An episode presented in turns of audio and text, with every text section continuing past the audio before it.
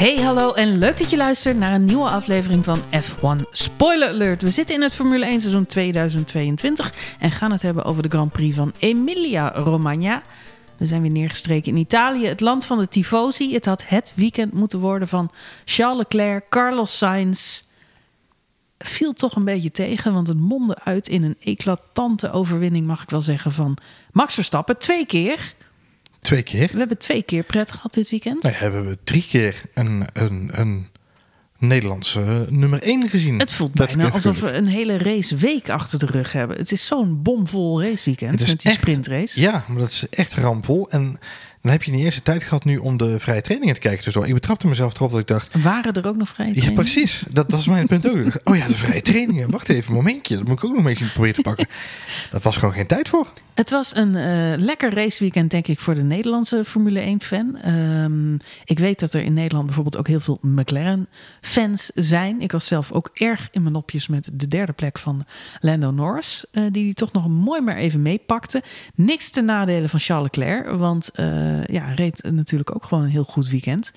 Maar ja, als je het dan zo weggeeft, Johan, om daar maar even met de deur in huis te vallen. Jij denkt, ik, ik, ik trap gewoon af met de hashtag HBTF. HBTF. HBTF. Hebben wij het niet eerder gezegd in deze podcast? Ja, seizoen of drie achter elkaar, denk ik. En ja. dan moet Monaco nog komen, Johan. Maar dit was wel weer typisch zo'n HBTF-weekendje. Dit was een echte HBTF'er inderdaad, ja. En het ja. ook wel een HBTL'tje. Het blijft toch Leclerc. Maar tegelijkertijd uh, uh, zei ik ook al, dit gebeurde Verstappen natuurlijk ook. Ja, maar Alleen niet in het seizoen dat hij kampioen wilde worden. Precies. Ik denk dat Max de mazzel heeft gehad, tussen haakjes mazzel. Dat hij natuurlijk een aantal jaren heeft moeten knokken om überhaupt om het kampioenschap te mogen strijden. En Leclerc is dan nu ineens alweer uh, uh, present in een kampioensauto. Heeft het dan toch in één keer een tikje zwaarder voor mijn gevoel. Uh, nou ja, niet ineens een tikje zwaarder. Maar dit weekend, de, de, eerste keer dat ik dacht, hé, hey, haarscheurtjes. Nou du duidelijke persoonlijke fout natuurlijk. Hij wil eigenlijk te graag. Eindfase van de wedstrijd is uiteindelijk spannend. Laten we vooropstellen dat de hele... Het hoofdprogramma, zeg maar, de Grand Prix van Romania, Emilia Romagna, Imola. Fuck it. Imola. Hashtag, hashtag Imola GP. Hou ja. op. Imola. ik, ik, ik, ik, wil, ik zal het net serieus af te vragen. Denk, hoe lang ga je het volhouden om het elke keer... Emilia Romagna Grand Prix. Ja, zo heet dat kring. Maar goed, Imola. De Enzo, die Ferrari. Uh, ja, precies. Ja, en uh, Dino. Ja. En wat uh, uh, ja, ik daarover wilde zeggen is dat het eigenlijk een beetje saai is was, Johan. Laten we wel wezen, er gebeurde niet zo heel erg veel. Uh, met nee. name omdat we natuurlijk 35 ronden lang naar een race zonder DRS zaten te kijken. Daar moeten we het straks nog even over hebben, want het duurde heel lang voordat dat kwam. Het beloofde zoveel goed, zo'n natte baan, hè, spanning en sensatie. Nou ja, het venijn zat hem uiteindelijk een beetje in de staart. We zaten op het laatst nog heel lang naar Valtteri Bottas te kijken of die wel of niet George Eh, zou gaan pakken. Dat was vorig jaar natuurlijk het gevecht op, Ja. op, op deze baan. Eh, dit jaar pakten de beide heren het misschien iets slimmer aan. Ik, Ja, het was dit jaar voor het eerst een gevecht. Vorig jaar was het een soort van camphaan eh, momentje. En dat was natuurlijk gelijk... voor, als je, als je Ja. het over rookie mistakes hebt. Vorig jaar was natuurlijk een beetje een rookie mistake van George Russell himself. Ja, Die op zichzelf tot nu toe een, een heel sterk seizoen rijdt. Want weer een vierde plek haalt hij eruit. Eh, ja, dat is Ja. toch gewoon knap. Nou ja, je kunt je afvragen. eh, we hebben natuurlijk na afloop eh, uitgebreid de excuses aan eh, Lewis Hamilton gehoord van Toto Wolff. Wat ik natuurlijk een beetje opvallend vond. Dat hij nogal het boetekleed aantrok richting Lewis Hamilton. Hij zei zelf achteraf, dat doen we omdat dit een wereldkampioen is. En we hebben hem geen wereldkampioenwaardige auto gegeven. Ik denk, nou ja, als je dan je zo wel moet gaan opstellen na drie races, vier races... Ben ik benieuwd hoe het aan het einde van het seizoen gaat. Dan denk ik dat ze een half uurtje langer kunnen uittrekken naar de wedstrijd. Als het zo doorgaat. Maar het, het verschil is wel, dat George Russell trekt die auto wel, ja, trekt die auto wel weer naar een vierde plek. Maar met, met ehm, Vettel en Leclerc ook gezegd, eh, eh, op de een of andere manier krijgen ze dan toch een meer uit zo'n auto. Eh, Vettel had op een ook moeite met de Ferrari en zijn, zijn laatste jaar bij Ferrari. Terwijl Leclerc er toch meer uit wist persen in de tijd. En nu zie je hetzelfde eigenlijk bij George Russell gebeuren. Die ja, met die Mercedes toch andere dingen voor de bakken krijgt. Nou zei jij wel, het schijnt wel dat ze met andere setups rijden, toch? Omdat Nou, het, ze... ge- het gerucht gaat dus online, dat lees ik overal, dat, eh, ja, dat ze bij Mercedes op dit moment zo clueless zijn waar het probleem in zit bij deze auto. We zien natuurlijk die porpoising wel de hele tijd gaan. Dus ze schijnen ook echt daar on- on- on- ja, onwijs veel last van te hebben. Eh, jij zei George Russell heeft zelfs blauwe plekken. Zo erg Ja, eh, schijnt ja, het fysiek pijn te doen. Maar om dat probleem op te lossen, hebben ze nu eh, beide auto's op totaal andere setup staan.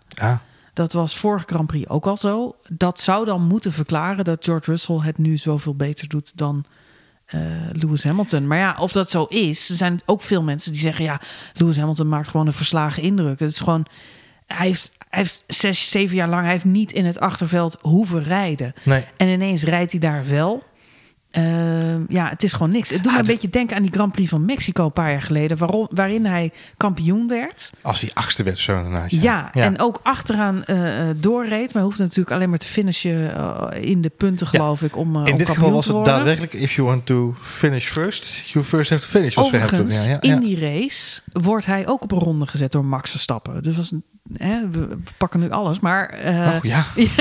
maar er, was, er was een hoop te doen over het feit dat Max Verstappen deze Grand Prix eh, Lewis Hamilton op een ronde zet. Ja. Dat is vaker gebeurd, eh, kan ik me heel goed herinneren. Onder andere toen in Mexico. ja, dat zou zomaar kunnen. inderdaad, Ja. En daarnaast is het ook niet echt iets waar je van achterover hoeft te vallen. Ja, nee, het Ja. gebeurt natuurlijk als je 14e rijdt. 14e rijdt, ja. dan, Wat ik wel eh, opvallend vind, als, als dit gerucht waar is, ik weet niet waar ik gelezen heb, misschien was het op het nieuwe sociaal netwerk Musker, weet ik niet, maar eh het zou kunnen. Eh, want ja, Twitter bestaat natuurlijk nu niet meer. Vanaf nu Musker, Musker. F1 Musker, eh, hashtag. Zou dan ook in plaats van een vogeltje dan een soort Tesla-logootje krijgen? Of een, Ja. een raketje, want het is natuurlijk SpaceX. Maar goed, ehm, I digress. Ehm, maar als dit gerucht waar is, dan moet je je ook afvragen wat ze dan bij Mercedes staat te denken. We geven onze nummer 1 coureur deze auto mee en onze nummer 2 coureur deze auto. Want ja, dat is dan de nummer 2 coureur, maar de nummer 2 coureur rijdt op naar de vierde plek. Nou, jij, jij zei iets anders heel interessants. George Russell die heeft nu zo lang in een Williams gereden. Die is zo eh, ja, gewend eigenlijk om met, om met een barrel... Op een tractor over Ja, het veld heen te gaan. Ja. toch zichzelf Ja, ja, ja. naar Q3 te rijden in de kwalificatie. Eh, die is wel wat gewend. Dus die, ja, die, die zie je nu ook gewoon in, in deze auto. eh. Ja, kijk, eh, veel topsport is ook gewoon brain memory, muscle memory. Dus Mhm. dat zit ook gewoon in het feit van hoe ga je om met bepaalde situaties. En ik, in, in die zin zie je dat ook een beetje terug, heb ik het gevoel bij Red Bull, waar je natuurlijk nu ook ziet dat Sergio Perez niet alleen, hè, we hebben het vorige podcast ook gehad over dat die auto nu gewoon wat, wat meer aan beide heren gebouwd is, om het zo maar even te zeggen. Maar je ziet ook gewoon, ja, Sergio Perez heeft gewoon meer moeten eh, uit zijn comfortzone moeten rijden. En daardoor kan hij ook meer dingen opvangen nu, denk ik. Eh, waardoor hij nu ook boven andere coureurs uitstijgt. Want laten we vooropstellen, kijk, Sergio Perez is nooit de pannenkoek geweest. Eh, maar hij heeft vorig jaar moeten knokken met de, de, de vorige versie van de Red Bull. En had dan dus ook nog eens te knokken met de mensen om hem heen. En, en nu zie je hem eigenlijk vrij gemakkelijk met de mensen om hem heen. Daar vecht hij zich wel doorheen. En dan is hij dan vrij snel weer aangesloten bij Ferrari met, met, met Carlos Sainz en eh, Charles Leclerc en, en Max Verstappen als het nodig is.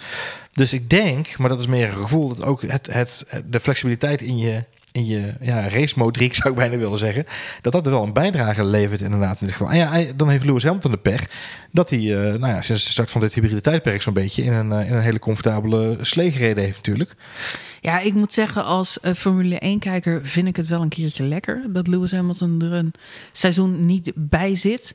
Eh, puur omdat je dan inderdaad hoopt dat de, ja, de racecraft weer boven komt drijven. En, maar in plaats daarvan maakt hij op mij een hele lusteloze eh, indruk. Ja, ik moet wel zeggen, de omstandigheden dit weekend, eh, regen, eh, opdrogende baan. Het zijn wel de momenten waarop, no pun intended, de echte Lewis Hamilton boven komt drijven. Niet alleen vanwege de plassen op het water op de, op de baan.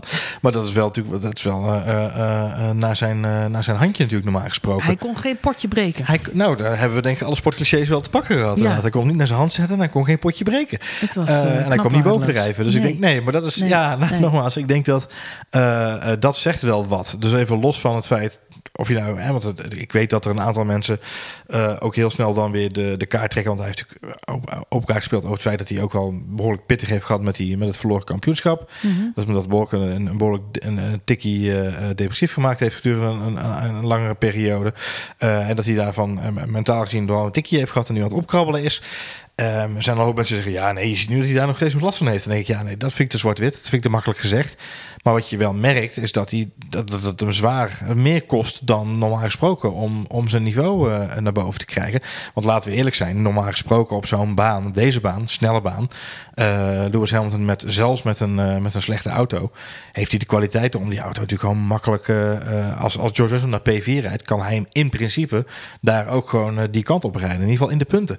Dus het feit dat hij in zowel in de kwalificatie als in de sprintrace als in de hoofd Grand Prix zo matig presteert, ja, daar zit meer achter dan alleen maar uh, gebrek aan energie of fut, laat ik het zo zeggen.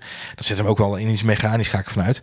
Maar goed, dan is het nog steeds ja, wel een beetje showmanship van Mercedes om dan ook die hele, dat hele boetekleed aan te trekken en dat ook nog eens na afloop, erg goed, typisch F1, om dan ook na afloop van de podiumceremonie dat nog uit te zenden. En kijk eens, de grote Lewis Hamilton krijgt zijn excuses aangeboden.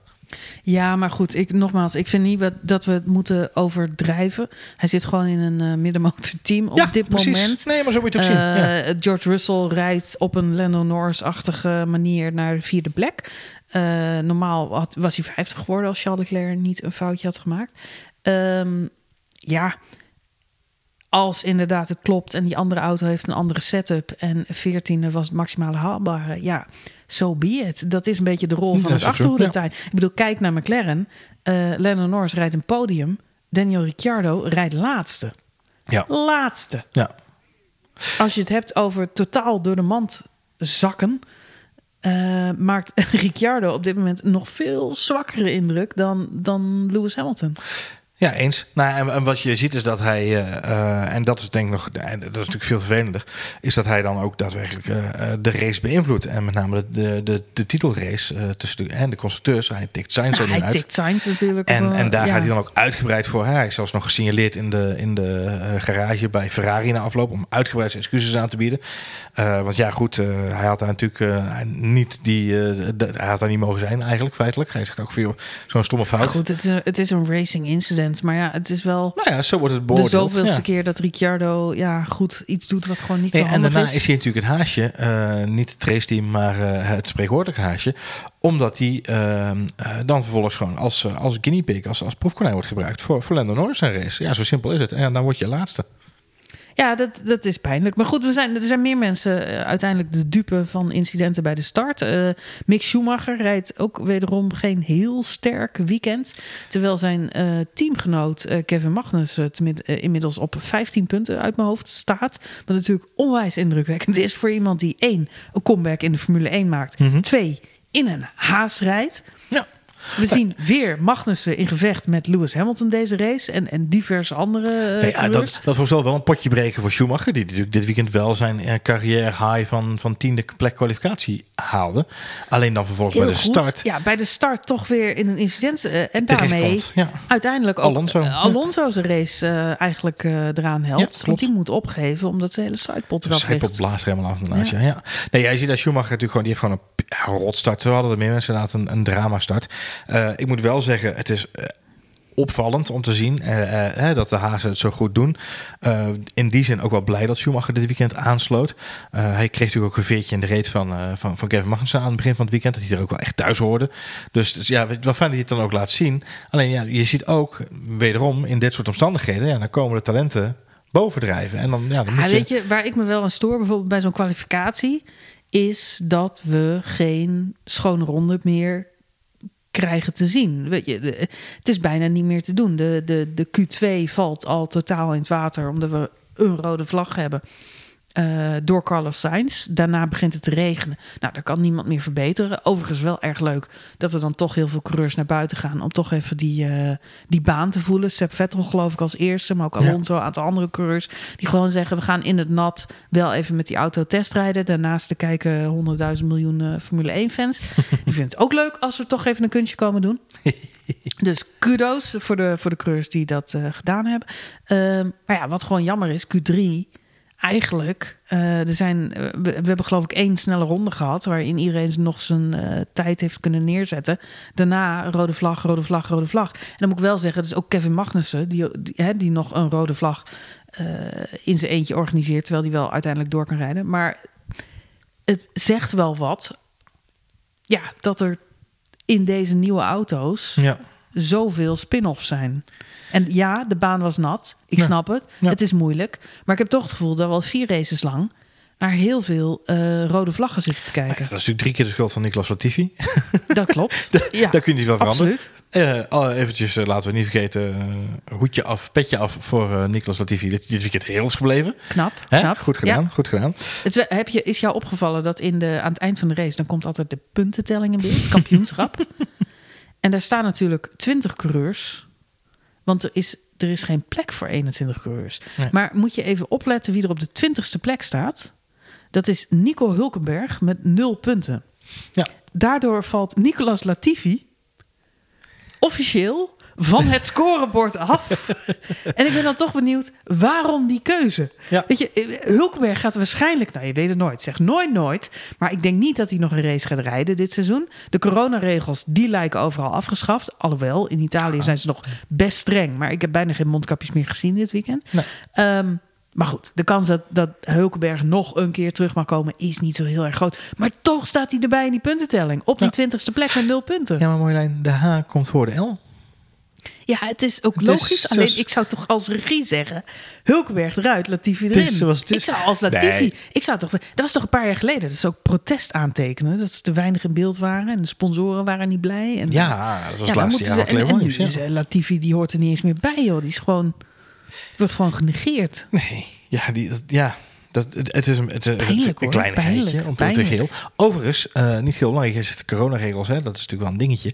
Ehm, wel goed om te weten dat binnen de Formule 1 het nog steeds getest wordt eh, met enige regelmaat. En dat zodra er een positieve besmetting is, de coureurs nog steeds niet de auto in mogen. Dus eh, ondanks het feit dat in de rest van de wereld, met name in Nederland, eh, de regels eh, nagenoeg afgeschaft zijn, is het zo dat binnen het Formule 1-bubbeltje het nog steeds testen geblazen is. En dat mensen ook niet zomaar ehm, eh, de auto meer in mogen als ze positief testen. Dus je zegt nooit nooit bij Nico Hulkenberg, letterlijk en figuurlijk. Want ja, voor je het weet, je bent maar één kuch verwijderd van nog een rondje Hulkenberg. Nee, ja, je hebt helemaal gelijk. Dus laten we daar wel inderdaad eh, voorzichtig mee zijn. Want we kunnen Sergio Perez zeker niet missen. Die had een eh, vlijmscherp weekend, eh, kunnen we wel zeggen. Ja, Max Verstappen hebben we natuurlijk al kort even genoemd. Foutloos. Maar ook Sergio Perez. Ja, on, onfeilbaar. Ja, nee, maar dat is, die draait gewoon een hartstikke goed seizoen voor, eh, voor Red Bull. En eigenlijk laat hij dit seizoen zien waarom ze eh, eh, vorig seizoen in hem geïnvesteerd hebben en dit seizoen verlengd hebben. Hij is ook oprecht blij, hè? Ja. Ik, kon, ik, ik heb het gevoel dat hij steeds meer... Hij, we hebben het natuurlijk vorig seizoen al een paar keer over gehad... dat hij van dat andere team kwam... eh, waar hij echt nou met tranen in zijn ogen bijna is weggegaan. Dat hij daar weg moest. Omdat Seb Vettel daar natuurlijk de nieuwe coureur... Stroll had, hè, papa Stroll het team overgenomen. Lance Stroll moet hoe dan ook blijven. Ik had echt het gevoel dat hij, dat hij nou, gewoon eh, eh, hè, zijn familie werd uitgezet bijna. Eh, bij Red Bull was het in het begin ja, een beetje aftasten. Ik weet nog de persconferentie eh, vorig jaar in eh, februari. Dan zit hij daar naast Christian Horner en Max Verstappen. Heel onwennig. ja, we we- van, we alsof hadden hij op die- bezoek is bij zijn schoonfamilie. Die, die Het uitnodiging gewoon- van die, van die Red Bull dag inderdaad, dat was natuurlijk virtueel. Normaal gesproken is die eh, in- op Milton Keynes, dat was zo virtueel. Dat was, dat was heel awkward inderdaad. Dat was ook in zo'n soort, in zo'n soort Ja, hij zat daar ineens en hij had net een Grand Prix gewonnen. Ja. Dus hij had, hij had ook natuurlijk wel street cred, maar tegelijkertijd eh, ja, voelde het ja, als, ja, alsof hij vreemd ging, een beetje. ja, het was gewoon, Nee, hij paste je, daar nog Wat niet. je ziet is dat hij gewoon heel erg eh, bezig is. En ik weet niet of dat een bewuste keuze is. Sommige mensen hebben dat gewoon van zichzelf. En die trekken dat gewoon aan. Eh, hij creëert een soort van familie om zich heen. Mhm. En dat doet hij nu ook weer met een aantal mensen bij Red Bull. En je ziet ook hoe hij met mensen omgaat. Hij gaat een babbeltje maken met eh Dr. Helmoet. Hij, hij doet een fistbump met de manager van Verstappen. Maar hij is met iedereen is hij druk bezig. En het eerste wat hij ook doet is over de boordrijder zeggen... nou, ik ben blij dat, we, hè, dat Max eindelijk weer een overwinning heeft... na twee uitvalbeurten. Want jongen, jongen, jongen. Dan denk ik, ja, ja je kunt maar bezig Maar hij zijn. is ook gewoon in die, in die rol, weet je. Het wordt bij hem nooit een Barrichello. Het wordt bij hem nooit een Bottas. Ja, misschien komt dat Nou, moment dat straks nog, dat hoor. zegt, want ik zo, dat wilde net zeggen. Het enige waar hij voor moet waken is dat hij geen Barrichello wordt in, dit in deze situatie. Want Ja, maar dat vind ik op dit moment helemaal niet. Ik bedoel, als je bij die start, hoe hij Leclerc inhaalt, meteen naar die tweede plek schuift. Hij doet ook geen aanval op Max. Hij weet dat Max sneller is. Hij laat hem ook eh, eh, weglopen. Ja, hij doet eigenlijk prima, prima werk daar. Zonder dat hij. Hij gaat ook niet de boel extreem lopen ophouden of zo. Nee, maar ik vind, ja, wat, jij, wat jij nu zegt, ben ik wel met je eens. Hij, heeft, hij, hij weet wel, en waarom hij dat dan weet, dat is dan de vraag. Hè? Dat is dan, eh, nou, moeten we eens een keer op het eh, nieuwe sociaal netwerk Musker onderzoeken. of daar meningen over zijn. Maar ehm, eh, ik, ik, ik realiseer hem wel. Max Verstappen rijdt deze Grand Prix. eh, nou, op een gegeven moment 7,5, 8,5 seconden weg hè, in de eerste twee stints van de, van de race. Dus nog voor de, voor de laatste eh eh gratis pitstops, om zo maar even te zeggen. Maar dan zit, is het gat met Sergio Perez is op een gegeven moment eh 8, 9 seconden. Ehm, dat vind ik al vrij fors inderdaad. En dat doet mij dan wel bedenken van hij heeft dus wel heel bewust voor zichzelf. Oké, ik kan, ik kan niet, ik strijd niet voor de eerste plek. Dat is dan wel een hele bewuste uh, mindset die je meeneemt in de auto. En dan doet hij zijn taak heel erg goed. De vraag is echter, wat, als er, hè, wat gebeurt er op een baan waarin hij dat wel kan? En gaat hij dan wel het gevecht aan met Max? Ja, dat, dat moet blijken. Ik denk dat op dit moment dat Max sowieso vaak wel de sterkere coureur is. Ik denk niet dat hij heel snel onder druk komt te staan van Perez. Maar goed, wat jij zegt, ja, time will tell. Ik ben wel benieuwd hoor, want het is wel iets Misschien waar ik Mexico? Ja, bijvoorbeeld. Nou, het, zou, het zou me niet verbazen als daar dingen gebeuren. Maar ook gewoon de banen waar Perez gewoon van nature al uh, uh, lekker in zijn veld zit. Maar nogmaals, doet niks over aan zijn weekend. Hij heeft gewoon een heel sterk weekend, dit weekend. Um, en de allereerste 1-2 van, uh, van Red Bull weer sinds 2016 uit mijn hoofd. Ja, um, ja, een hele jonge Max Verstappen zag ik op die foto trouwens voorbij komen. En Daniel Ricciardo en Max Verstappen in Maleisië volgens mij inderdaad. Um, het, het, is gewoon een topprestatie van een team. Wat uh, ja, eigenlijk natuurlijk in, zat, in de hoek zat waar de klappen vielen de afgelopen races. Een beetje gemaskeerd door de, de overwinning van Max en de overwinning van, van Perez. De, de, dat ze wel oké okay meedraaiden.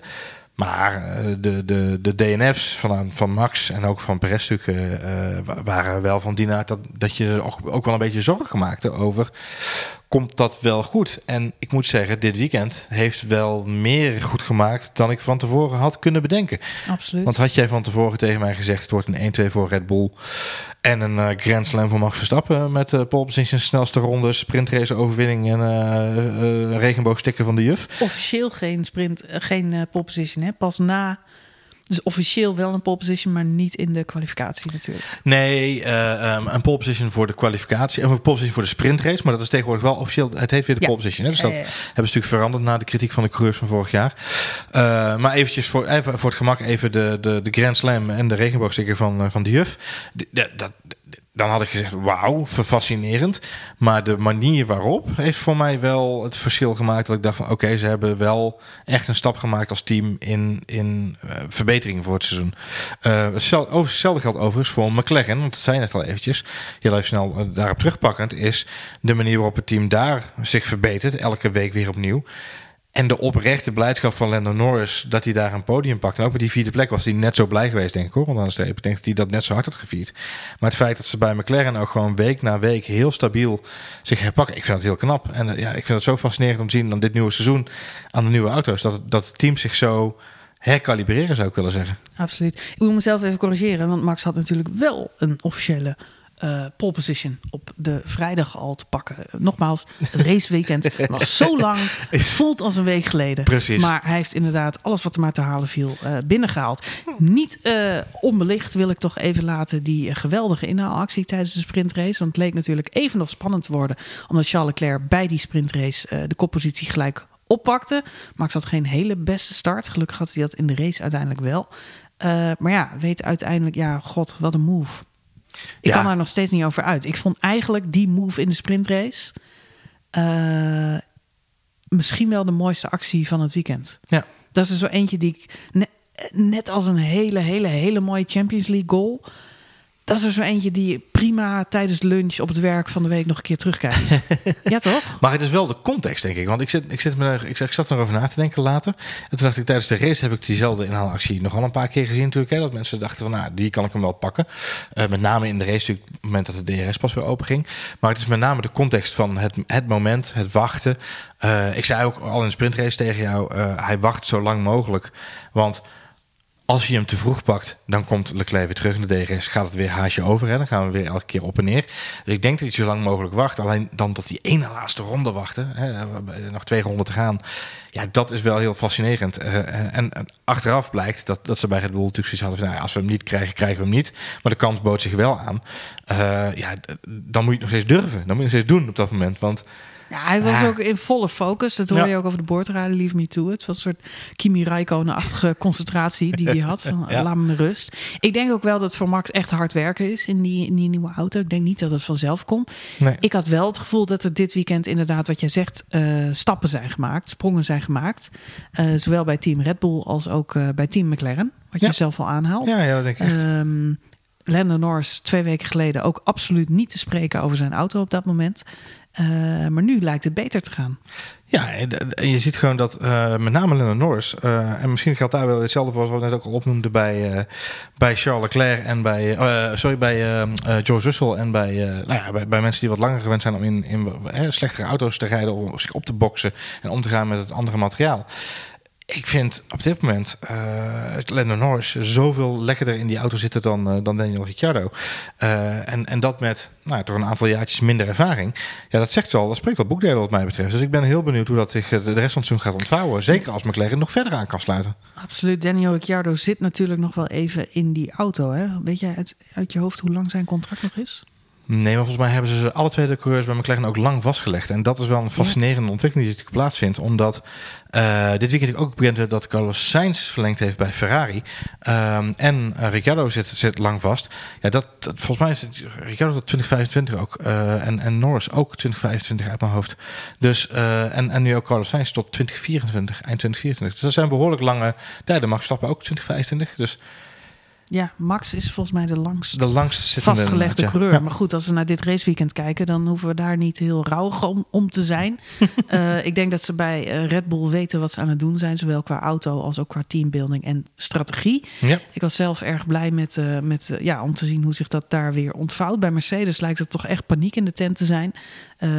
ja, het is echt de vraag hoe Toto Wolff hier denk ik mee omgaat het komend seizoen. Want dit heeft hij nog niet eerder meegemaakt. Hetzelfde geldt voor uh, Lewis Hamilton, die lijkt ook ontzettend uit het veld geslagen. Het lijkt erop dat George Russell een beetje de man moet gaan zijn die daar het team weer uit het slop eh, gaat trekken. Wat fascinerend um, is, hè? Ik bedoel, ja, nou ja, en als je dan kijkt bijvoorbeeld naar de vechtlust van uh, Valtteri Bottas op dit moment. Ik zei tijdens de race tegen jou, jou, als je dit had geweten, als je van tevoren had geweten dat Mercedes dit jaar een middenklasse team zou zijn, had je misschien nog beter George Russell en Valtteri Bottas in die auto kunnen hebben. Omdat Valtteri Bottas in elk geval wel gewend is om te vechten. En dit seizoen helemaal. Die man heeft natuurlijk wel een vechtlust waar je, waar je u tegen zegt. Om zichzelf te bewijzen in uh, Alfa Romeo. Moet ik wel zeggen dat hij in de laatste vijf ronden uiteindelijk niet die move op George Russell kan maken. Vind ik wel weer een typisch Bottasje.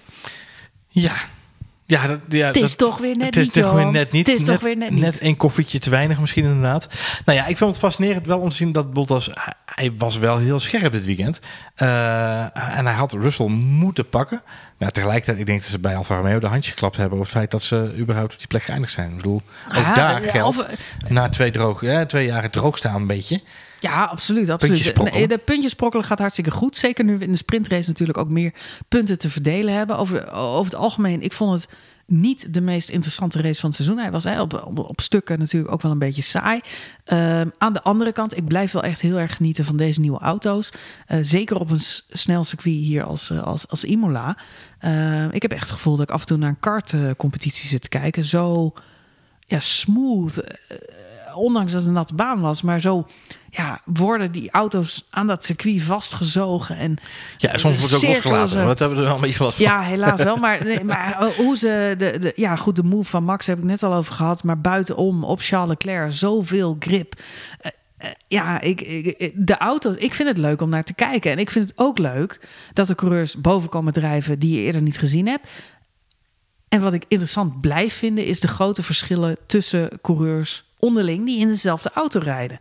En dit, ja goed, deze race, we hebben het net al uitgebreid besproken, maar Schumacher en uh, Magnussen, Hamilton, Russell, Zo en Bottas. Bottas. natuurlijk. Zo weer uitgevallen, weer niks. Ja ja, Ocon en Alonso die liggen bijvoorbeeld dichter bij elkaar. Dat is allebei uh, nog niet echt om over. El Plan komt nog niet echt. Komt niet komt nog niet. Nee, ik weet niet wat El Plan is, maar het moet zich nog vormen. Nog ontvouwen. Ja, het is nog niet uh, de route het naar een wereldkampioenschap van dit moment. dus als Alonso dat nog een keer wil gaan doen, is het niks. We hebben natuurlijk ook de eerste punten voor Aston Martin dan toch eindelijk binnen. Ja. Niet langer het slechtste team op de grid. Gelijk een dubbelslag ook, hè? Dat dat voorop Hartstikke goed gedaan. Ja, ga ik alles in de punten. Het mag natuurlijk verwacht worden op een natte baan. En zeker ook in zijn eh, geliefde Italië.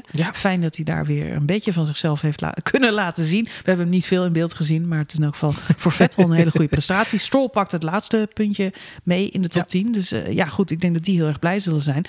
Uh, McLaren net ook al besproken. Heel groot verschil. Ricciardo komt gewoon niet mee. Blijkbaar als je achteraan rijdt. Je bent Ricciardo. Je zit in het nat. Nooit zijn ding. Nou ja, het wordt ook gewoon helemaal niks meer. Nee. Um, Ja, laatste puntje. Ferrari was natuurlijk... eh, Laten we die nog maar even aansnijden. Ja, goed. Ja. aardig op weg. Eh, de pitstops aan het eind van de race waren natuurlijk even interessant. Wat gebeurt daar? Ferrari besluit naar binnen te gaan, toch voor die rode band te gaan. Ja, waarom? Omdat hij dan toch aan kan vallen. Hij valt dan wel net terug achter Lennon Norris, maar dat is natuurlijk easy peasy. Ja. Ja, is het nooit eigenlijk. Maar ik Ja, vind, wel die nieuwe band, op een rode band. Dus Zeg maar dan, ja, nog, nogmaals. Het, het- het- misschien dat ik te vroeg nu inhaak hoor, op, je, op je punt. Maar ik ben nog steeds verbaasd over het feit dat ze twee ronden voordat ze hem naar binnen halen. Is de discussie gaan. Nou, laten het drie ronden zijn geweest, want ze zijn natuurlijk wat later met het op uitzenden van die boordradio's. Maar hè, Charles Leclerc vraagt wat de plannen zijn. Dan is het, dan is het antwoord van, van het team is negative, stay out till the end. Hè, we blijven tot het einde. En iedereen denkt, hè, ja, super logisch jongens. Hè, gegarandeerd derde plekje. Eh, ja, het is nou, niet... eh, en hij zit twee seconden achter eh Jawel, maar dat, dat gat ging je niet meer dichtrijden, want zijn bandjes waren op. En iedereen zag, dit was, dicht. Ferrari, banden. Precies, dus dat, dat, dat gat gingen ze niet meer dichtrijden. Dus iedereen had zoiets van, oké, dit is dan de laatste 20 is ronden van de race. Maar ze nemen een risico. Moeten we dat juist niet waarderen? Dat Ferrari tactisch dus toch risico's begint Nou te nemen. als- nee, want dit is, een, dit, is, dit is nou een typische HBTF. Want je weet Maar dat je... ik vond het zo dapper van ze. Want het is eigenlijk, we hebben dit gezien met, Schum- eh, met eh, eh, Hamilton en eh, Verstappen in Hongarije vorig jaar. Hè, de, de, nog laat moment pitten. Het was natuurlijk veel te laat. Want hij had nooit meer terug kunnen komen. Om, als Perez niet naar binnen was gegaan, had hij nooit meer een, een aanval kunnen, kunnen, kunnen wagen in de laatste tien rondjes. Maar ze proberen wat. Ze, pro- ze doen iets Jawel. strategisch. Maar we, praten over Ferrari. Bij Ferrari hebben ze denk ik nu voor dit jaar voor het eerst bij de Action nieuwe wheelguns gehaald. ik bedoel, ze mogen weer, ze kunnen weer. Maar, maar dit is het team wat notoir was om het feit dat de wheelgun het af en toe weigerde. We zagen deze Ja, race die nog. hebben ze nu vervangen, Johan. Ja, dat hoop ik. Maar dan nog, het is HBTF. Overigens, kleine sidestep. Bottas. Ja, dat, dat, dat, dat- dat wilde ik zeggen. Weer, weer zijn voorband die er Ja. niet afgaat. Wat doet Bottas met die banden dat ze er niet afgaan? Ja. Ik begin steeds meer te vermoeden dat het een fout van Bottas is. Ja, nou, dat lijkt me heel stug. Maar het zou zomaar kunnen. Laten we het hem een keer vragen als hij bij ons in de podcast aanschrijft binnenkort. Dat gaat niet gebeuren als je zo blijft bashen. Goed, Maar- Charles Leclerc. Nee, maar goed. ehm, eh, eh, eh, maar Bottas is wel het voorbeeld dat ik wilde noemen. Het is, het, er hoeft maar dit te gebeuren. Of je staat gewoon een seconde, anderhalf seconde, twee seconden langer stil. Want je, het is Nou, allemaal maar nieuw daarom pleit, materiaal. het pleit toch voor Ferrari dat ze nu het zelfvertrouwen hebben om, dat toch, om toch die stop te maken. Max die vraagt notabene om die stop. Dat is het? Nou ja, ik vind dat bij Red dat Voor voor een leuke één, Red één Bull. schamelpuntje? Nou ja, nee, ja, goed, is het toch achteraf, niet- daar- ja, ze- ze hebben- achteraf, Hij had, achteraf hij- was hij het geen goede move. wat is het, eh, 70 punten voorsprong, 45 Iets seconden, 45 eigenlijk, punten eigenlijk, voorsprong. eigenlijk de kat op het spek binden. Want ze hebben eigenlijk Leclerc eh, ja, mandaat gegeven om, Ja, om, om nog een aanval voor die tweede positie te doen. Aan de andere kant, ze hebben eigenlijk Red Bull in de kaarten gespeeld. Want die konden allebei gratis stop maken. Perez lekker op nieuwe ro- rode bandjes. Nou, die heeft ook alle confidence van de wereld. De Minister of Defense. Die is echt nergens bang voor, volgens mij, Perez. Die, die gast die komt uit Mexico. Die heeft zoveel shit meegemaakt in zijn leven. Die is echt nergens bang voor. Let alone Charles fucking Leclerc achter hem in een Ferrari. Weet je, hij, eh, pff, he doesn't break a sweat. Dat is echt niet intimiderend als je Sergio Nee, Perez bent. serieus, hij heeft zojuist 40 ronden lang, zit 50 ronden lang, heeft hij gezien. Zelfs binnen DRS, want we hebben op één tv, Christian Horner zat nog lekker te babbelen met, met Sky, met de Sky-commentatoren. Mhm. Terwijl Perez uh, Leclerc zijn DRS had. En het enige wat zei is, oeh, het wordt nu wel een beetje spannend. Dan zat hij op twee tiende, weet je wel, op het rechtstuk. Maar dan nog haalde hij gewoon zijn schouders op en zeiden ze, nou ja, dat komt wel weer goed. Volgens mij waren die gasten gewoon heerlijk aan het racen. Die gasten hadden het gewoon lekker onder controle bij Red Bull. En die hadden daar helemaal... Dus bij Ferrari hebben ze gezien, v- 50 ronden lang. We ook al zouden we in DRS komen, dan nog zijn we nog steeds niet langs die gast die een enorme muur rijdt. Een soort rijdende muur is. Dus ja, waarom zou dat überhaupt proberen? Voor dat ene schamele puntje. Dus nogmaals, je, je, de één, het risico is je rijdt naar binnen en dan gaat het mis met de pitstop. Dan heb je dat, dat kan klein zijn, kan groot zijn. Dan heb je twee, de pitstraat uitrijden op een natte baan met nieuwe softs nog steeds een vochtige baan. Want de racelijn was wel droog. Maar de, hè, overal eromheen was het nog steeds links en rechts spekglad. Hmm. Je zag ook Charles Leclerc de pitstraat uitkomen en een wobbel hebben. Mhm. Kijk de beelden nog maar eens terug. Toen dacht ik ook al van wow, dat is niet heel erg handig. Dan komt hij naast Lando Norris. Mhm. Nou, Lando Norris haalt hem gelukkig vrij gemakkelijk in. Warme bandjes. Ik, sterker nog, ik had de indruk dat Lennon Norris hem een beetje voorbij liet gaan. Nou ja, dat, nee, maar hij haalt Norris uiteindelijk in. Maar Norris haalt hem in eerste instantie in eh, bij het verlaten van de pitstraat. ja, absoluut. Eh, voor hetzelfde geld maakte Leclerc daar al een stuurfout. Want hij zich een hoedje schrikt dat ineens Lennon Norris naast hem zit. Want het was toch allemaal wel iets closer dan ze misschien verwacht hadden. Vervolgens moet hij dan eerst nog Lando Norris inhalen. Nou, je moet dus aan, Lewis Hamilton vragen hoe leuk het is om Lando Norris in te halen. Precies wat jij zegt. Hij heeft de mazzel, denk ik, soort van, dat Lando Norris hem er een, Norris beetje denkt, langs ik laat. ga me hier niet mee Norris bemoeien. denkt, laat ik hem doe gaan. niet mee om dat wereldkampioenschap. Ik heb Laat maar oude zitten. banden. Ik, ik heb de boordradio niet teruggeluisterd, maar het zou me niet verbazen als een ingenieur gewoon gezegd heeft: eh, Leclerc, nieuwe softs, lekker laten gaan. Eh, prima, weet je. En dat, en, en dat it pays out in the end is ook gebleken. Maar dan zeg je dus tegen Charles Leclerc: hier heb je een, een, een setje nieuwe glimmende rode bandjes. Maar alleen de snelste ronde rijden, jongen. Zo werkt het niet, hè, bij nee, Charles Leclerc. dat is gek. hè. Bij Nee. geen enkele coureur denk ik. Marjolein. Ik denk dat elke coureur denkt, ik zie daar een auto voor me en ik kan hem halen. Ik ga erachteraan. Je zegt een rode lap op een stier. Ik zeg, nou, letterlijk en figuurlijk, de rode lamp achter op de stier. Hij zei, praktisch kon je hem ruiken, die auto. Dan, ja, dat is natuurlijk logisch dat hij is- plankgas gaat. Ja, goed. Hij pakt veel te veel curb. eh stomme fout van zichzelf. I am stupid, zou hij zelf zeggen. Ja, Ja. I'm stupid. Nee, ja, het is, het is, een, het is een, eh, een, een, je zou kunnen zeggen een rookie mistake, maar dat is het ook niet helemaal. Maar het is, het is ja, goed. Eh, aan de andere kant, het zij hem vergeven. Eh, ik moet ook zeggen, hij knokt zich wel weer aardig terug. Je kunt je nog afvragen of het zinvol was om die pitstop te maken. Hij komt de ronde daarna natuurlijk binnen, omdat hij denkt dat hij vleugelschade heeft. Eh, krijgt dan een nieuwe vleugel, geen nieuwe banden. En wordt dan opnieuw naar buiten gestuurd. De vraag is, ja, hadden ze hem niet gewoon door moeten laten rijden? Volgens mij viel het allemaal wel mee met die, met die schade. ja. Eh, maar aan de andere kant, hij knokt zichzelf uiteindelijk nog terug naar die zesde plek. Toch Ja. wel knap. ja, er is natuurlijk weinig knokken aan in de snelste auto van de baan. Hè? Ik bedoel, eh, ze reden met die Ferrari en die Red Bull op dat moment bijna, wat is het, de top, de, de top, de top 11 of 12 Ja, je op een moet het toch maar doen, Johan. Valtteri Bottas die zou het niet kunnen. Daniel Ricciardo zou het niet kunnen. Nee, nou goed, het is natuurlijk een lastige baan om in te halen. En wat ik al zei, er is maar één lijn droog op dat moment. Dus je moet nog steeds wel lef hebben om op sommige plekken dan in te halen. Maar goed, op dat moment is de DRS al wel weer aan. En eh, zit je in principe in de snelste auto. Maar goed, Ik denk dat Carlos Sainz toch een beetje opgelucht ademhaalde. Het was eh, opmerkelijk dat we ja, hem dat ook. Ja, ja. direct in beeld kregen op het moment dat het incident eh, gebeurde. Ik denk dat hij daar heel hard moest werken aan zijn pokerface. dat zal hij wel vaker geoefend hebben, maar dat moest op dat moment wel echt even worden ingezet. Ik denk dat hij heel lang moest nadenken inderdaad over hoe zal ik mezelf nu die, framen. die, die ontzettend grote eh, onderlip open. en dan kijkt hij even heel stupide naar een scherm. Om maar vooral niet te laten merken dat hij stiekem een heel klein beetje opgelucht is. Ja, hij had even een mondkapje op gehad op dat moment. Dat, ja, ik denk dat dat in sommige gevallen toch wel. eh Nou ja, het, is, het is een bijzonder zure eh, aangelegenheid voor de tifosi. Die natuurlijk eh, groot uitgelopen waren op, het is natuurlijk. Het valt me trouwens, ik zeg nu Carlos Sainz, wel een lullig tikje van Ricciardo staat in de grindbak. Het is me wel opgevallen dat ehm, hij komt vaak in de grindbak. Nou weet ik, in de grindbak kom je bijna niet weg. Nee. Mij viel wel opnieuw weer op hoe snel hij op het, gras, op het gas gaat in die grindbak. Ja. Dat deed hij twee races geleden geloof ik ook al. Hij moet daar echt handiger in worden. Zet, zet die gast gewoon eh, een paar keer in een grindbak en laat hem wegrijden. Ja, maar goed, er is, Cursusje, cursusje bij zijn vader. ja, maar er is. En, en Lewis Hamilton, vorig jaar ook eh, in, in de grindbak, die heeft daar toch meer ervaring mee, lijkt het. Hoe je daar weer wegkomt. Ja. Eh, ja, er zijn Nou ja, maar- je ik moet- zeg niet dat het oplosbaar was, maar Nee. het valt me wel op dat zo gauw hij erin staat, drukt hij het gas in brrr, en dan staat hij vast. Je moet wel de mazzel hebben. Hoe harder je erin komt, hoe groter het pech is natuurlijk. Hè? Want Ja, maar hij gooit hem meteen in zijn reverse. Hij gooit hem meteen. Ja. Nee, ja, ik je vind het ziet- zo je- stom. kijk, je ik, zie hem, ik zie hem die wielen, eh, eh, wielspin maken. En ik denk, nee, gast, niet weer. Doe nou niet. Ja, nu zit je vast. ja, je, moet, je moet vooral geduldig zijn inderdaad. Je moet denken eerst observeren hoe ver je bent. Je zag dat Daniel hele Ricciardo... veld voorbij laten gaan en dan pas handelen. Hij Is- zag, zag dat de mazzel had dat hij door kon rijden inderdaad. Die had Ja. gewoon de mazzel. Die ging van zijn gas af en die kon doorrollend eigenlijk... Ja, een soort bij een skateboard het, het, het, het grind over.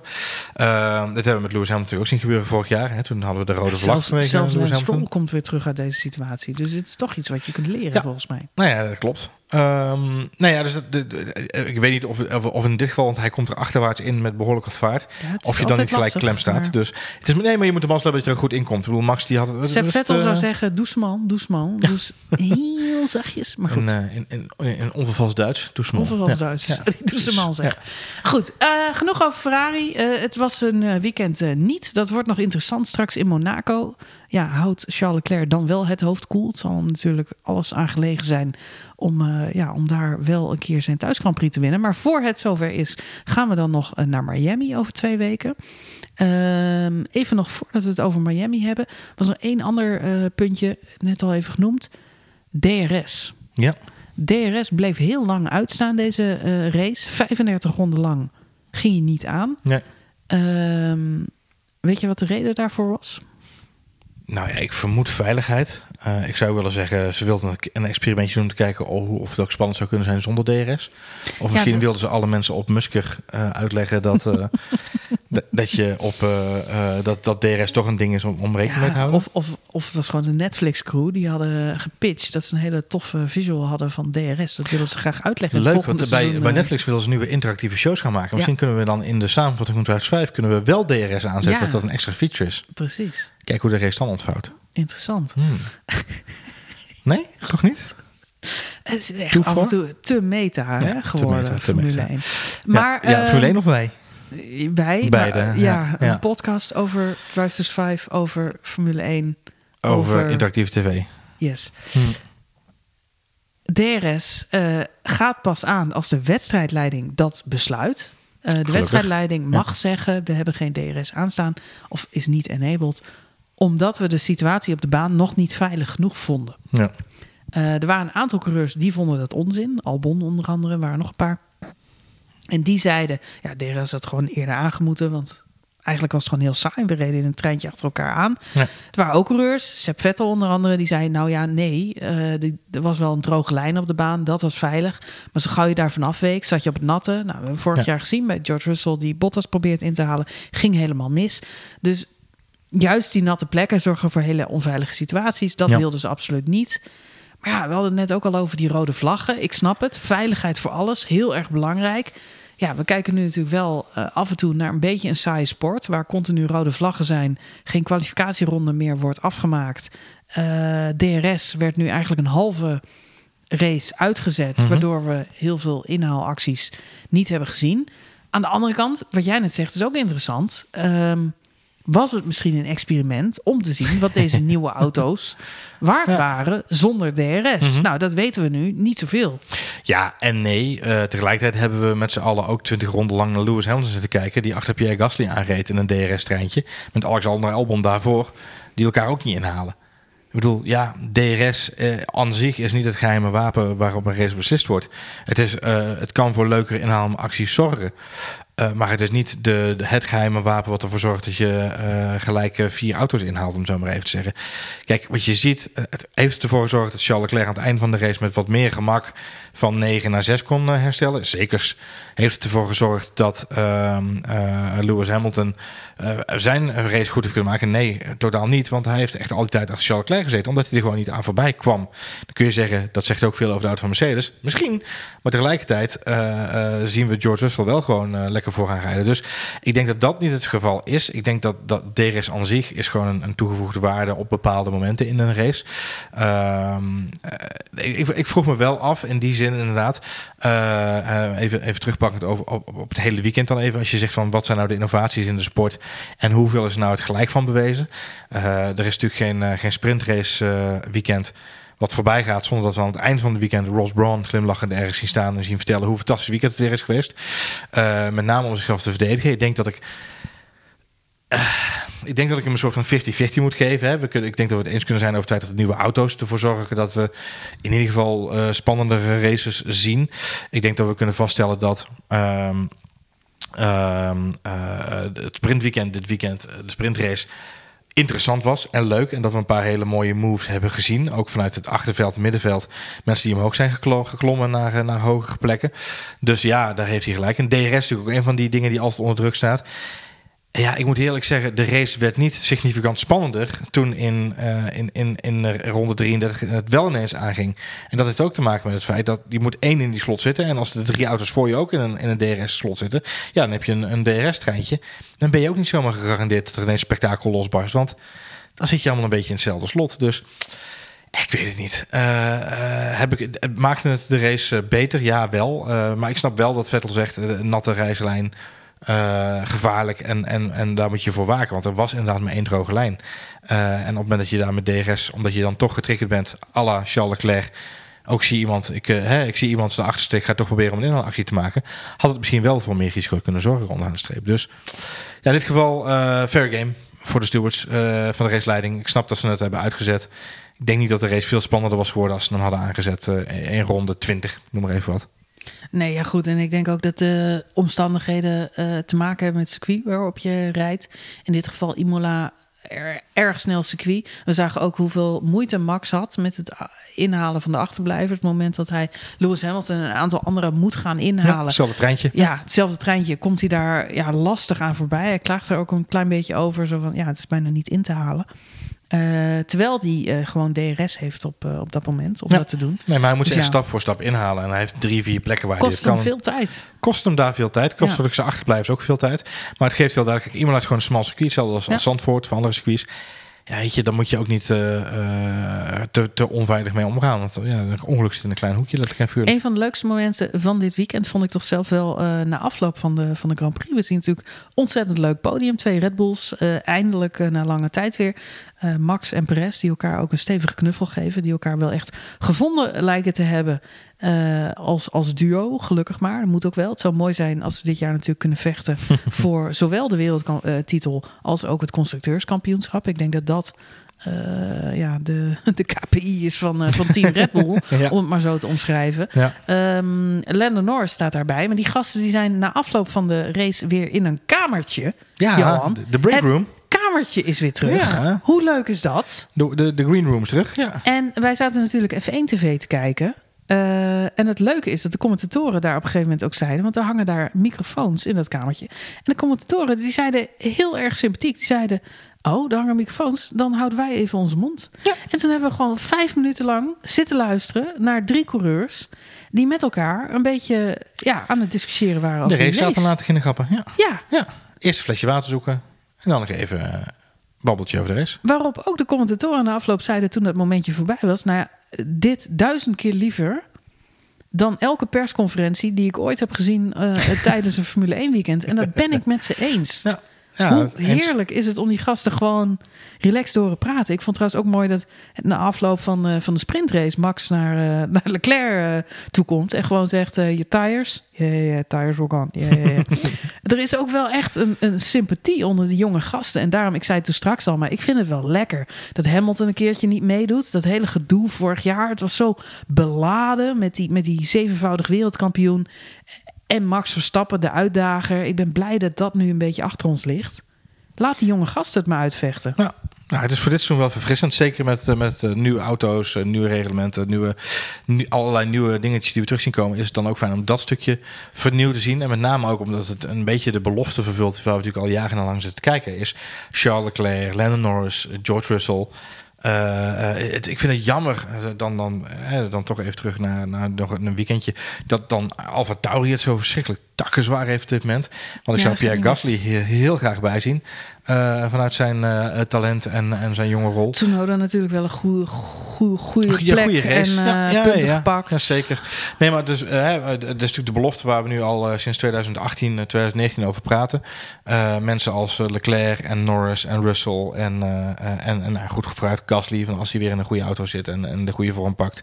Ja, dat zijn gewoon jongens die dan de dienst uit gaan maken. Ja, ik vind het wel tof. Denk jij dat wij nu echt afscheid gaan nemen van de generatie Vettel, Alonso en Hamilton? Um, ik vind het moeilijk om ze alle drie tegelijkertijd af te schrijven. En, en met name omdat ik denk dat uh, Alonso, die heeft het nog veel te veel naar zijn zin. Het is ineens alsof zij zo passé zijn. Nou, Alonso niet, moet ik zeggen. Nee, Alonso heeft gewoon de pech nee, ja, die rijdt natuurlijk heel sterk, maar die heeft gewoon een brakke bak weer. Nou, ah, die, nu, nu hij, heeft hij pech dit weekend. Dit weekend, maar hij, heeft, hij zit natuurlijk wel een soort van raket die met heel veel topsnelheid. Dus hij heeft zo zijn momenten, zeg maar, dat hij in de race toch weer aanwezig is. Dus ik vind Alonso van die drie die je nu noemt het meest lastige. Ik vind Vettel de minst lastige. Ik denk dat het voor Vettel echt klaar is, om heel eerlijk te zijn. Mm. Um, heeft gewoon niet, niet, niet het team om zich heen weten te bouwen met Aston Martin. En Aston Martin heeft hem ook niet heeft hem ook niet in het team gebracht, zeg maar, wat hij... Het is een wisselwerking. Ik denk niet alleen maar dat Sebastian Vettel is die iets moet komen brengen. Het is de halende brengplicht van, uh, van, van beide kanten. Uh, waarbij ik ook denk dat, dat Aston Martin gewoon nog niet gebracht heeft wat het zou kunnen brengen. Uh, en dat Vettel gewoon geen tijd meer heeft om daarop te wachten met zijn uh, leeftijd, maar ook met zijn bredere visie op, op het leven. Ja, hij zit gewoon in een hele andere fase volgens mij van zijn leven dan dit per se. Um, Hamilton vind ik een interessante, hè, want die heeft nog, uh, nog één seizoen hierna te gaan op zijn contract bij Mercedes. Um, gaat hij dan na dit jaar nog... Ja, stel dat hij nu roemloos ergens tiende, elle, tiende negende of achtste wordt in het kampioenschap. Klaar, hoor. Gaat hij dan nog door? Uh, of gaat nee. hij ook naar een andere fase van zijn leven, uh, waar hij natuurlijk al jarenlang aan het werk is? Uh, met nu ook de, deze week weer in het nieuws, hè, met een bod vanuit zijn, vanuit zijn investeringsmaatschappij in, in een voetbalclub en maatschappelijke rol claimen, wat, wat hij natuurlijk al heel sterk doet. Het zou mij niet verbazen als Lewis Hamilton dan ook zou zeggen. Ja, het zou kunnen dat ik de bruid eraan geef. Alhoewel hij nog wel een jaartje op contract heeft staan. En hij dit weekend ook gezegd heeft in de persconferentie. Ik vind het onzin. Ik heb een jaar een contract. Ik ga ervoor. Weet je, ik ben hier niet om, uh, om de kantjes te vanaf te lopen. Dus, um, maar als we competitief afscheid nemen, dat is misschien een belangrijkere vraag. En misschien is dat wel de kern van je vraag. Um, uh, ja, dat is wel een lastige. Kijk, voor Hamilton daarvan weet je dat als hij eenmaal een keer een, een, de win mee heeft en, en de auto is, nou, is enigszins op orde, dan is het iemand waar je altijd rekening mee moet houden in alle omstandigheden. Verder is dat een heel stuk minder, weten we de afgelopen jaren al. En ja, Alonso, ja, dat is een konijn uit de hoge hoed. Dat kan altijd verrassen.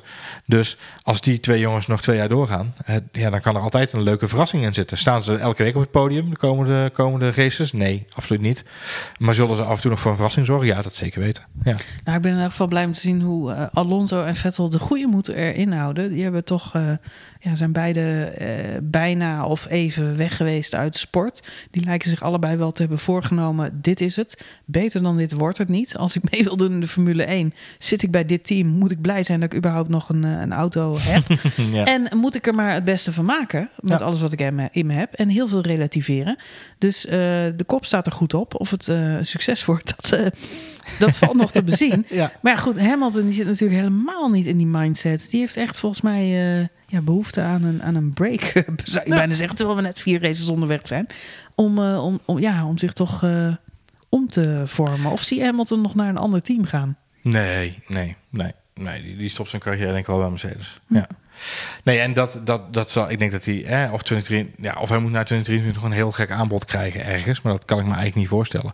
Omdat je weet. Hij zou je, nog terug kunnen naar McLaren, hè? Ricciardo eruit, Hamilton erin, naast Lennon Norris. Ja, dat zou voor de, voor de fans te gek zijn, denk ik. Zack Brown wil het, weet ja. ik zeker. Uh, nou ja, dat zou voor de fans te gek zijn. Ik weet niet of het voor het team het beste is. Dat is de volgende vraag. Oh, ik weet niet of het voor Lennon Norris het beste is. Ik weet ook niet. Ik, om heel eerlijk te zijn, ik denk niet dat het voor Lewis Hamilton het beste is. Als je ziet hoe George Russell nu meekomt en Hamilton niet. Het probleem is onderaan de streep, en dat is het lullige van zijn, uh, van zijn prijzenkast. Je haalt altijd een zevenvoudig wereldkampioen binnen. Hmm. Dus dat zie je bij Vettel ook. Als je zo iemand contracteert, dan komen er verwachtingen mee. Niet alleen vanuit die coureur richting zijn prestaties binnen jouw team. He, dus jouw team staat ook in één keer in een ander licht. Aston Martin, laten we eerlijk wezen jongens, is gewoon nog steeds Force India. Uh, onderaan de streep. En van Force India wisten we met Ocon en Perez al dat ze soms voor een verrassing kunnen zorgen, maar meestal ergens in de middenmoot rijden. Uh, en, en vaker onderaan die middenmoot dan bovenin die middenmoot. Met, af, met, met, misschien af en toe een verrassing in, in, in, de race links of rechts. En datzelfde geldt feitelijk als je nu zou zeggen met McLaren Hamilton gaat daarheen. Ja, dan gaat hij niet ineens ervoor zorgen dat McLaren in één of twee jaar de, de challenge is voor het wereldkampioenschap. Hoe stom het ook klinkt. Uh, want dan moeten er wel meer dingen veranderen binnen zo'n team. Dat bedoel ik eigenlijk meer te zeggen. Het is niet zo dat uh, één coureur dat, voor, zijn, dat voor, de, voor de bakken krijgt. Maar dat die verwachting is dan wel ineens. En andersom, hij verwacht dat ook van het team waar hij natuurlijk tekent. Van ik kom hier wel even de boel naar mijn hand zetten. En als daar een Lando Norris zit, die op dit moment gewoon, wat mij betreft, de baas van McLaren is. Uh, als het gaat om de coureurs. Ja, dan krijg je toch weer een hele rare situatie. Want ja, weet je, wat ga je dan tegen Lando Norris zeggen? Je bent nu tweede coureur. Dat zou heel maf zijn. Nee, dat gaat, uh, dat gaat niet gebeuren. Nee, we, tot nu toe, ik vind dit seizoen wel erg interessant, leuk. Omdat ik een beetje dat gevoel heb van uh, de, nieuwe uh, de nieuwe kleren van de keizer. Um, er staan er toch een paar in hun hemd. hemd. Ja. Om het maar even netjes te zeggen. Uh, het is alsof die nieuwe auto's een beetje blootleggen wat voor vlees je in de kuip hebt. En ik zei het net al, er zijn grote verschillen tussen coureurs in hetzelfde team. En dat vind ik heel opvallend.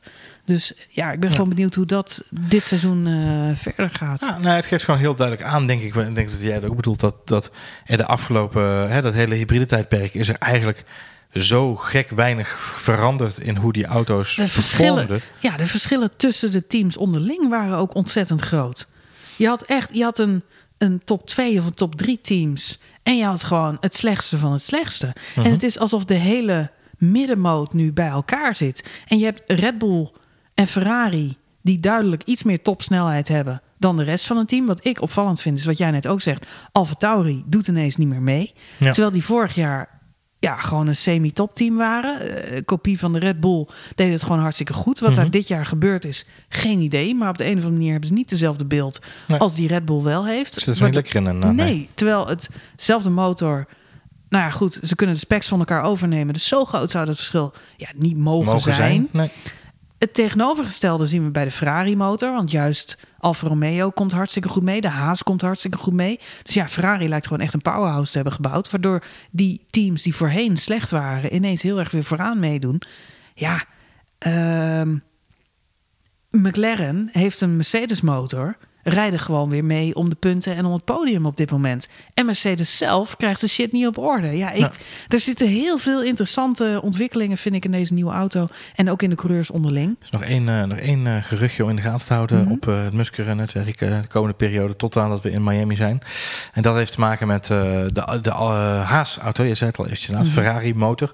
Maar die hebben ook meer onderdelen bij Ferrari afgenomen dit jaar. Eh, tegenstelling tot vorig jaar, toen ze nog een hele hoop dingen ook elders afnamen of zelf bouwden.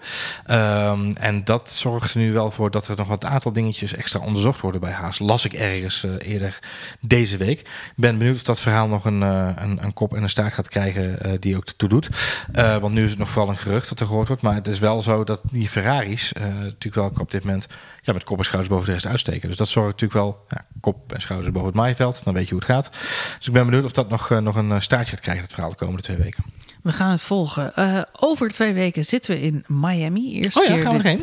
Eh, eh, wij helaas Oh, niet. ben er wel een keer geweest. Leuke stad. Erg Zeker. benieuwd hoe de, hoe de Grand Prix er, er eruit gaat zien. Ik mag toch hopen en aannemen dat Team Netflix erbij is.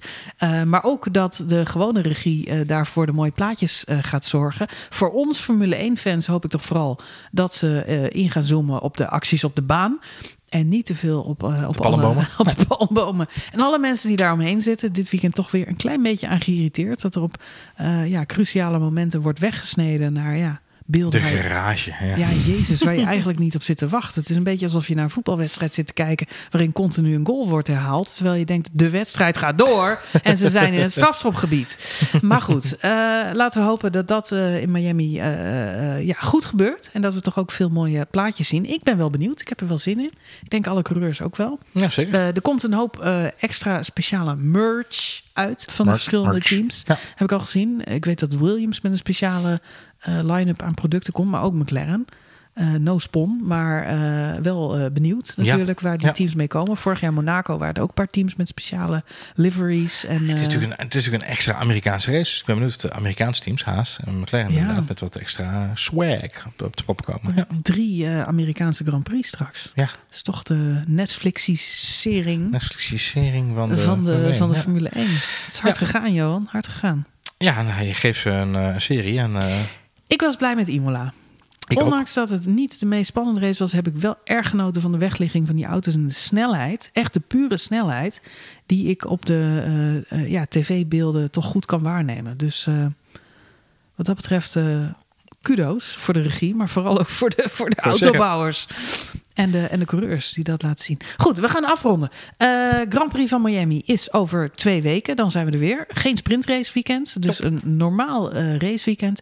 Eh, zondagavond of maandag om en nabij zijn we er weer. Kijk wel even. Met, met een nieuwe podcast. Wil je reageren op deze show? Of vragen stellen of reacties? Of hebben we dingen verkeerd gezegd? Laat het Ja. ons dan vooral weten. Zeker Dan weten. kunnen we daar volgende keer op letten.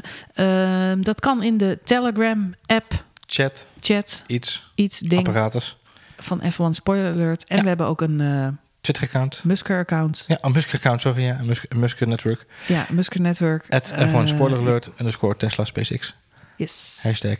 Hashtag. En, eh, en een Facebookpagina en no, website en metaverse, Hebben virtual allemaal. reality. Hebben we allemaal. We zijn vast wel ergens te vinden, toch? Absoluut. Zo. Misschien wil Elon Musk ons ook wel overnemen. Het zou leuk zijn. Dat zou leuk zijn. We doen wel iets met auto's. We doen wel iets met auto's. Ja. We doen alleen geen Formule E. Mm. Goed, tot de volgende aflevering van F1 Spoiler Alert.